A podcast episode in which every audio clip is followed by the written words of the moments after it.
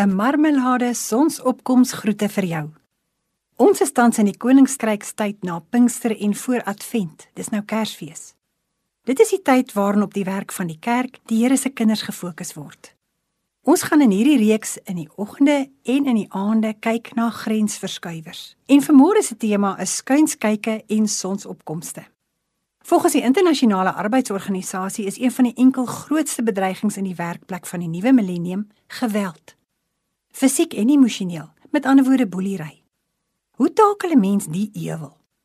In Rut 2 vers 4 word beskryf: Boas het toe juis self uit Bethlehem daar aangekom en hy het vir die sneiers gesê: "Mag die Here by julle wees." En hulle het hom geantwoord: "Mag die Here u seën." Ryk grondbesitters in antieke Israel het nie noodwendig self op hulle plase gebly nie, maar in nabygeleë dorpies. Van tyd tot tyd hulle dan het hulle dan na die landerye gekom om seker te maak dat alles goed verloop, veral in die oestyd. Op die dag van ons teksvers kom Boas die plaaseienaar op sy plaas aan. Hy kon net sowel sy ondergeskiktheid geïgnoreer het, maar tog groet hy sy werkers vriendelik. Vrede, voorspoed, vergenoegdheid en gesondheid vir julle, sê hy. Hulle antwoord: God seën u.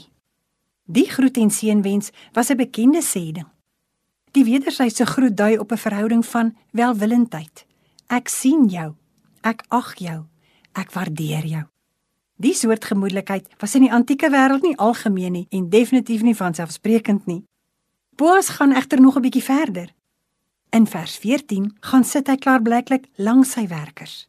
Ook dit is ongewoon. In die ou nabye ooste en in Israel was dit nie gebruiklik dat verskillende sosiale klasse meng nie. O nee, en veral ook nie rondom etes nie. Op 'n baie subtiele manier word hier aangedui dat alle gebeure in die hele ritboek, die ritverhaal, nie so vanselfsprekend is nie. Sekere tradisionele gebruike van die tyd gaan op 'n manier uitgedaag word in hierdie boek en ook in hierdie week. So Boas verskuif grense en word gerespekteer deur sy werkers. Word jy gerespekteer deur jou werkers? Respekteer jy jou baas? Ander op sosiale media? Christus, Boas se agter-agterkleinseun, het aarde toe gekom sodat ons mekaar se goeie naam en eer kan bevorder sonder voorbehou en sonder terughou. Wie is jy vandag? Te midde van afknouery, duistering en skuinskyke is sonsopkoms vir almal saam met wie jy werk.